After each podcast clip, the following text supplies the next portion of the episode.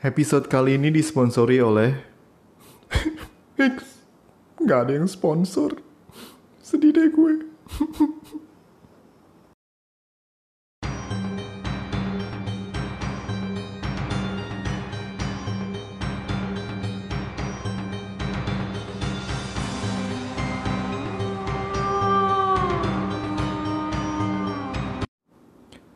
Api membakar hebat jenazah Hercules. Sang pahlawan akhirnya menemui ajal dengan damai. Tak ada lagi rasa sakit akibat racun hidra yang menggerogoti tubuhnya. Kematian sang pahlawan menimbulkan rasa pilu bagi para sahabat dan keluarganya. Deanira yang tak sanggup menanggung beban kesedihan dan juga rasa bersalah akibat cemburu dan menjadi perpanjangan tangan Nesus tewas dengan sebuah belati menembus dadanya. Suasana pemakaman begitu pilu. Api perapian yang tadinya begitu membara sekarang mereda, menyisakan sisa tubuh Hercules yang kini sudah menjadi abu. Hailus dan saudara-saudaranya mengumpulkan abu ayahnya dan menaruhnya pada sebuah kendi emas yang secara misterius muncul di dekat perapian. Agaknya salah satu dari dewa Olympus, entah Hermes atau Athena, yang meletakkan kendi tempat menampung abu sang pahlawan. Demikianlah akhir dari cerita Hercules, sang pahlawan yang telah menghabiskan hidupnya untuk bertarung dengan monster, raksasa, menaklukkan kerajaan-kerajaan, membela umat manusia, dan juga para dewa. Saya agak kesulitan untuk menjelaskan bagaimana akhir dari cerita Hercules. Semua sumber yang saya baca setuju kalau dirinya meninggal setelah terkena racun hidra dan kemudian dibakar dan selesai. Namun tampaknya para pujangga dari zaman Yunani kuno memiliki pandangan yang berbeda tentang apa yang terjadi setelah Hercules meninggal. Satu sumber yang paling umum yaitu berasal dari Homer.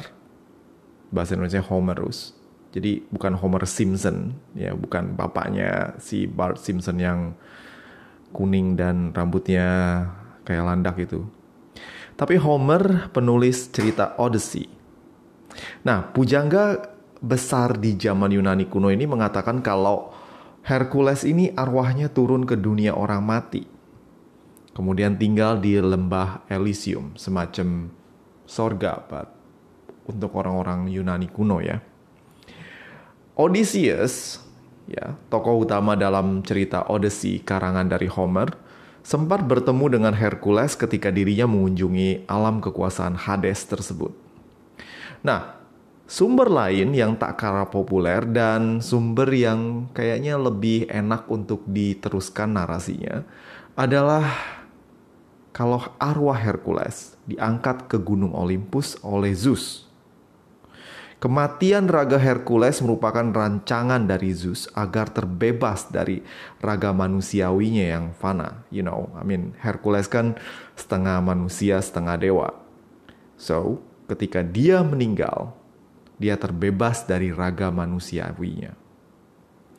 Kematian sang pahlawan merupakan syarat agar jiwa dewatanya boleh terlepas dan bergabung dengan para dewa di Olympus. Zeus yang begitu menyayangi putra setengah manusianya ini mengangkat Hercules menjadi seorang dewa. Atas jasa-jasanya dalam membela kaum manusia dan juga para dewa Olympus, Zeus menobatkan Hercules sebagai dewa kekuatan dan pelindung para pahlawan. Selain itu, sebagai bonus, Zeus juga menempatkan rasi bintang Hercules sebagai pengingat akan jasa sang pahlawan yang memang luar biasa. Dan penghargaan untuk Hercules tidak hanya itu saja. Hera yang merasa bersalah karena pernah memusuhi Hercules dengan membabi buta kemudian memberikan putri bungsunya yang bernama Hebe untuk menjadi istri terakhir dari Hercules. Well, gue nggak tahu kenapa sepertinya orang Yunani kuno itu demen banget ngasih bini atau istri sebagai tanda terima kasih. Tapi, well, why not? ini Hercules, jagoan yang aksi kepahlawanannya nggak akan bisa ditandingi oleh siapa pun juga. Zeus pada awalnya itu enggan melepas Hebe yang merupakan putri kesayangannya. Hebe mungkin bukan termasuk dalam 12 dewa-dewi Olympus yang tenar. Tapi perannya di Olympus itu cukup penting. Jadi gini, para dewa itu memiliki makanan. Makanannya khusus mereka. Makanannya itu berupa ambrosia dan nektar. Nah, dua minuman yang merupakan sumber kekuatan dan keabadian para dewa ini diurus oleh seorang dewi yang bernama Hebe. Jadi Hebe ini adalah dewi yang bertugas untuk menyajikan dua minuman keabadian para dewa. Dan Hebe adalah penuang anggur pribadi bagi Zeus. Mungkin Zeus yang sudah terbiasa dilayani oleh Hebe akan merasa kehilangan jika Hebe harus menjadi istri Hercules. Namun Hera melirik Zeus dengan tajam dan mengisyaratkan kalau dia bakal ngambek kalau nggak diturutin. Akhirnya sebagai, you know, suami dewa takut istri, Zeus pun merelakan putri bungsunya untuk menjadi istri dari Hercules. Nah, demikianlah Hercules yang menang banyak. Dia menjadi dewa keberkasaan bersanding dengan Hebe dewi keramajaan dan juga keabadian. Keduanya tinggal di Olympus dan disembah oleh orang-orang Yunani dan juga Romawi. Ada beberapa kuil Hercules yang masih bisa kita kunjungi sekarang. Satu terletak di Roma dan satu lagi ada di Aman, Jordania dan banyak kuil-kuil lain yang jujur aja gue mesti ngelakuin banyak research untuk tahu. Tapi beneran banyak. Karena Hercules somehow like uh, you know superstar hero di zaman Yunani kuno dan juga Romawi. Nah, nama Hercules ini juga diabadikan menjadi sebuah kota di Italia Selatan yang bernama Herculaneum. Kota ini konon didirikan oleh Hercules dan sadly kota ini menjadi korban letusan Gunung Vesuvius bersama Pompei dan terkubur dan baru ditemukan beberapa abad yang lalu. Dan kalau kalian pergi ke Pompei, jangan lewatkan kunjungan juga ke Herculaneum yang luar biasa. Kayaknya gue pernah bikin episode tentang ini. So, take a look tentang Pompei dan Herculaneum. Oke? Okay? Nah, Santoyer sekalian, kalian bisa pilih ending mana yang kalian suka. Entah kalian lebih suka kalau Hercules tinggal di alam baka atau dirinya terangkat menjadi dewa di Gunung Olympus, kemudian menikah dan hidup bahagia bersama Hebe. Kedua-duanya itu valid menurut mitologi Yunani. Terus gimana dengan anak-anak Hercules? Well, tampaknya nasib baik itu belum berpihak pada keluarga Hercules. Kalian pasti ingat Orestes kan? Sepupu Hercules yang pendengki dan sempat memperbudak Hercules sehingga dia mesti ngelakuin 12 tugas berat supaya bisa dimaafkan. You know, dosa membunuh anak dan istri. Orestes selalu merasa paranoid selama Hercules hidup.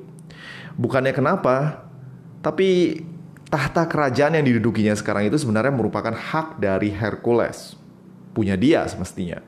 Andai saja Hera tidak mengintervensi rencana Zeus untuk menjadikan anak keturunan Perseus dari garis Alkmene, yaitu Hercules, tentu saja sekarang dia sudah jadi raja dari Tiryns bukannya Orestes. Jadi Hercules yang mestinya jadi raja.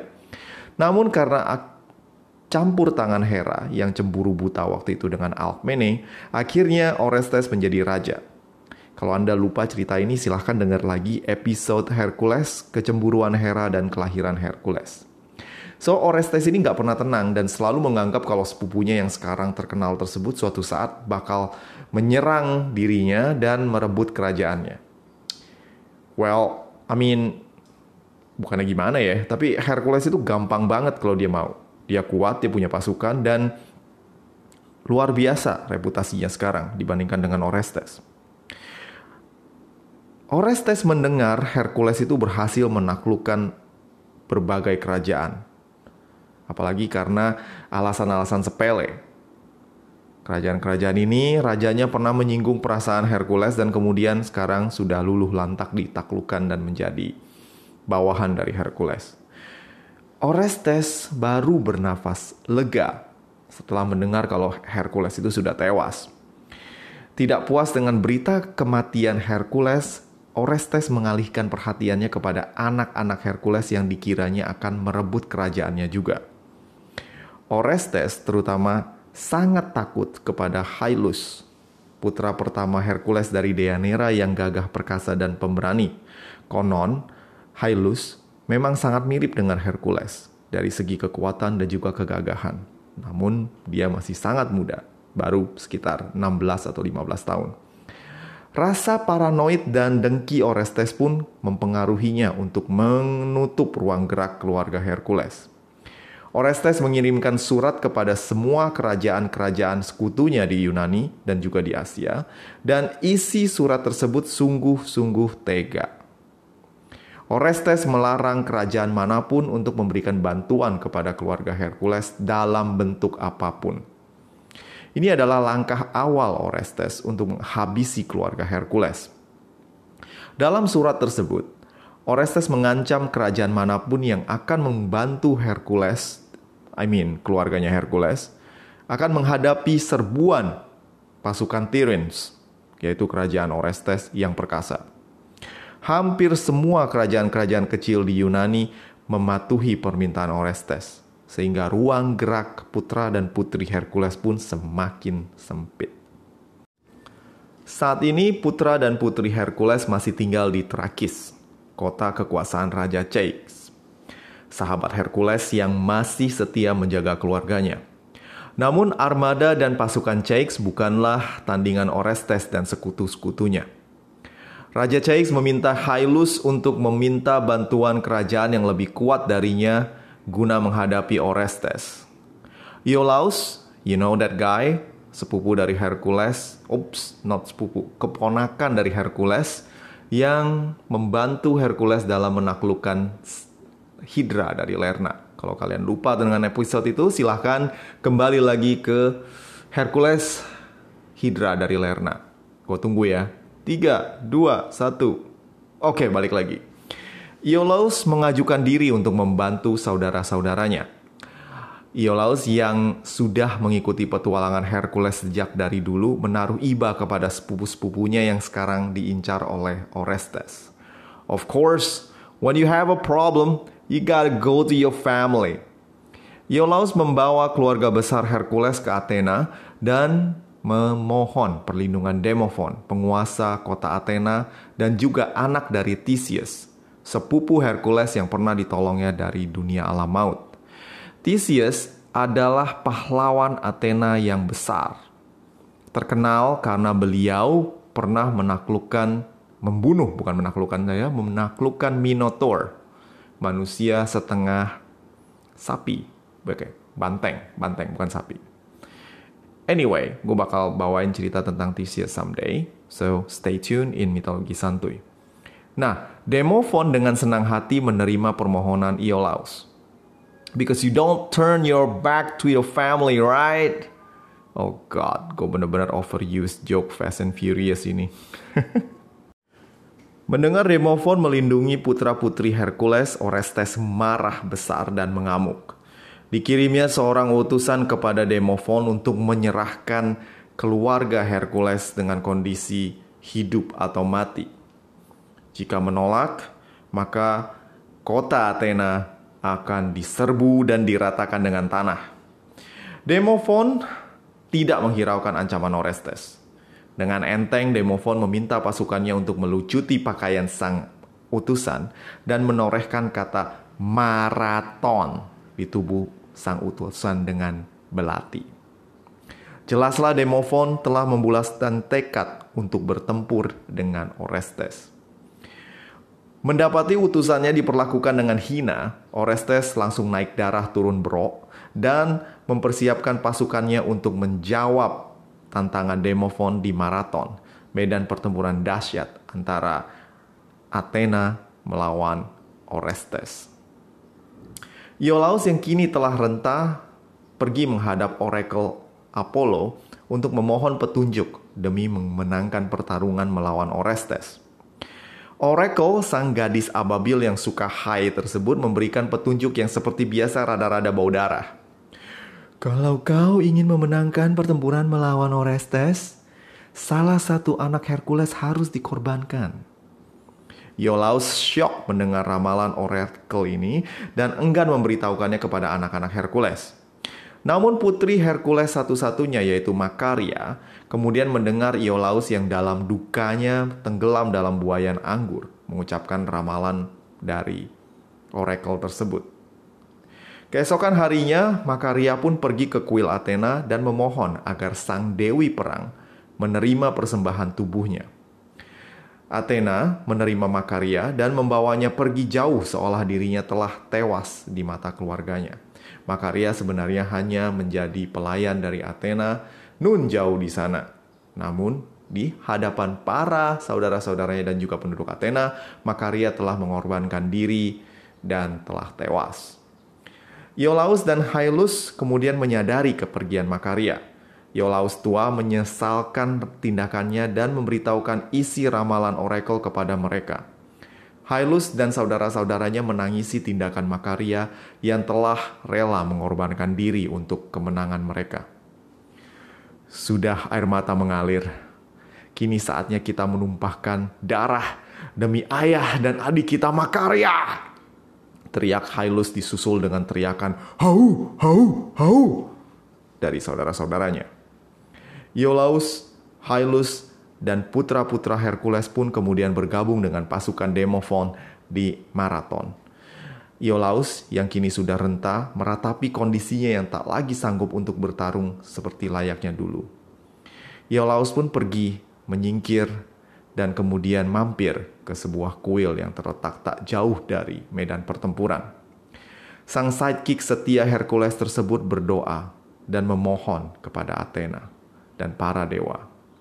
Dengan segenap hati Iolaus memohon para dewa untuk mengembalikan kekuatannya seperti saat muda untuk satu hari saja demi melindungi putra dan putri Hercules. Zeus mendengar permohonan Iolaus dan memerintahkan Hebe, istri Hercules dan juga dewi keremajaan itu untuk mengembalikan kekuatan Iolaus sama seperti ketika dia masih muda dan kuat. Iolaus yang kini kembali menjadi muda bergabung dengan pasukan Athena dengan semangat yang berkobar. Pasukan Orestes telah tiba di medan pertempuran maraton. Rombongan pasukan Orestes dan pasukan sekutunya berjumlah tiga kali lipat dari pasukan Athena yang dipimpin oleh Demofon. Namun putra pahlawan Athena ini tidak gentar. Pergerakan pasukan Orestes yang bagaikan lautan tak bertepi tersebut dianggapnya sebagai ajang pembuktian bahwa kebenaran akan selalu menang melawan kezaliman. Hyllus dan adik-adiknya tampak tegang. Ini adalah pengalaman pertama mereka di medan perang. Pertama kalinya, mereka akan berjuang menjaga kehormatan keluarga di hadapan musuh yang akan melumat mereka. Rupa mereka tegang, namun darah mereka menggelegak Darah Hercules yang gemar menghadapi pertempuran kini mendorong mereka untuk tegar demi membantai musuh-musuh mereka.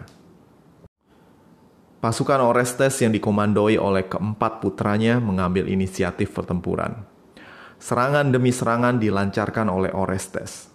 Pasukan panah melepaskan ribuan anak panah ke arah pasukan Demofon yang mengambil posisi rapat dengan perisai besar menutupi bagian atas mereka bagaikan kura-kura yang bersembunyi dalam cangkangnya. Sedikit korban berjatuhan dari pasukan Athena, namun Demofon bukannya tanpa rencana. Sang pemimpin Athena tersebut telah menyembunyikan pasukan berkuda di balik bukit tak jauh dari medan pertempuran. Ketika pasukan panah Orestes terlalu percaya diri dan terus menambah jarak dengan pasukan Athena, pasukan kuda ini sadar saat mereka telah tiba. Rombongan pasukan kuda ini kemudian keluar dan melibas pasukan tanah Orestes yang kocar kacir dan mundur ke balik formasi pasukan infanteri dari Orestes. Orestes tertegun dan langsung mengirimkan pasukan infanterinya untuk maju menyerang pasukan Athena yang dalam posisi defense. Di satu bukit berdiri seorang pria muda dengan rambut melambai-lambai ditiup oleh angin dengan busurnya, sang pria melepaskan anak panah kepada para komando pasukan Orestes. Satu persatu pemimpin para pasukan tumbang, dan hal ini menimbulkan kebingungan di pihak Orestes yang mulai tampak seperti anak ayam kehilangan induk. Melihat momentum ini, Demofon kemudian berteriak, "Serbu!" Pasukan Athena melepaskan perisai mereka dan berlari mengejar pasukan Orestes. Hyllus dan adik-adiknya mendapatkan peluang mereka untuk menghabisi lawan empat putra Orestes yang berusaha mengumpulkan pasukan mereka yang kocar-kacir menjadi sasaran dari hajaran mereka. Hyllus sendiri berhasil membunuh dua dari empat putra Orestes dengan tebasan pedangnya, sementara Telephus menghadapi sisanya. Lemparan tombak dan tebasan pedang menghajar pasukan Orestes yang berputar balik kembali ke markas sang raja. Sementara itu sang pria muda kemudian menaiki kuda dan memacunya dengan kencang ke markas Orestes. Si pria muda yang ternyata adalah Iolaus tersebut dengan penuh semangat berusaha untuk mencapai tenda Orestes sebelum Orestes melarikan diri. Benar saja, Orestes yang pengecut tengah bersiap menaiki keretanya dan melarikan diri. Iolaus yang kini memiliki kekuatan sempurna mengejar sang raja dengan gigih Pasukan pengawal Orestes yang terkenal garang bukan lawan yang seimbang untuk Iolaus. Satu persatu sang pahlawan menumbangkan para pengawal. Dan Iolaus pun kemudian menjatuhkan Orestes dengan panah di bahunya. Sang raja yang begitu congkak terjatuh dari keretanya dan terguling-guling di atas tanah maraton yang penuh dengan debu. Orestes berlutut memohon ampun kepada Iolaus. Namun Iolaus menendang sang raja hingga tersungkur tak sadarkan diri. Kemenangan mutlak pasukan Athena menandai awal yang baru bagi keluarga Hercules. Putra-putra Hercules dibantu oleh Iolaus dan Demofon berhasil mengalahkan Orestes dan kini tahta kerajaan Tirins menjadi milik Hyllus dan saudara-saudaranya, sesuai dengan rencana Zeus pada awal mulanya. Lantas apa yang akan terjadi dengan Orestes? Well, Not so happy ending for Orestes. We, he deserved it. Anyway, Iolaus mengikat sang raja dan membawanya ke hadapan Alkmene, nenek dari Iolaus dan juga ibu dari Hercules dan Ipikles, ayah Iolaus. Alkmene yang geram akan ulah Orestes yang telah membuat hidup Hercules dan anak-anaknya penuh penderitaan ini menghukum Orestes dengan cara yang well rada kejam. Armene memerintahkan mata Orestes untuk ditusuk dengan jarum pintal sampai menembus otaknya. Orestes tewas dan dimakamkan di Athena. Iolaus yang kini kembali menjadi renta kemudian meninggal dengan damai dan dimakamkan di sebelah makam kakeknya Amphitryon di Thebes. Nah, demikianlah akhir dari cerita kepahlawanan Hercules dan putra-putranya. Sebenarnya masih ada lanjutan dari kisah Hyllus dan keturunannya yang memberikan pengaruh besar bagi masyarakat Yunani kuno kemudian. Namun sepertinya kisah ini akan menyetir jauh dari ruh mitologi santuy, jadi gue sudahi sampai sini aja dulu. Anyway, buat yang penasaran, gue kasih tahu dikit deh. Jadi keturunan dari Hyllus kemudian diasosiasikan oleh penduduk Yunani kuno sebagai penyerbuan suku Doria yang meruntuhkan peradaban Mycenae. Apparently, Hyllus dan keluarganya dan keturunannya kemudian menjadi nenek moyang dari bangsa yang suatu saat terkenal karena ketangguhan dan jiwa militer mereka di Yunani. Salah satu pemimpin mereka bahkan rela mengorbankan diri bagi Yunani dengan memimpin 300 tentara melawan bala tentara kerajaan Xerxes dari Persia. Udah tahu yang siapa yang gue maksud? Yep, Sparta bangsa Sparta yang menganggap mereka adalah keturunan langsung dari Hercules. Jadi nggak heran ya kalau mereka semua six pack dan garang-garang ya. nah, episode kali ini adalah episode pamungkas dari kisah Hercules yang sudah gue bawain dari kayaknya udah lebih dari setengah tahun gue ceritain tentang Hercules ya. Ya, yeah, maybe, I don't know. I mean, maybe ya. Nah, semoga menghibur santuyer semua. Dan minggu depan kita akan melanjutkan kisah mitologi santuy dengan tokoh atau kisah lainnya yang gak kalah seru. Jika kalian ada ide siapa yang mesti gue ceritain, silakan hubungi gue di Instagram account Mitologi Santuy atau email gue di gurukelana007 at gmail.com. Podcast ini ada karena dukungan kalian semua dan jika kalian ingin berkontribusi silahkan traktir saya kopi di laman traktir yang ada di deskripsi episode ini. So, I'll see you again in the next episode. Ciao.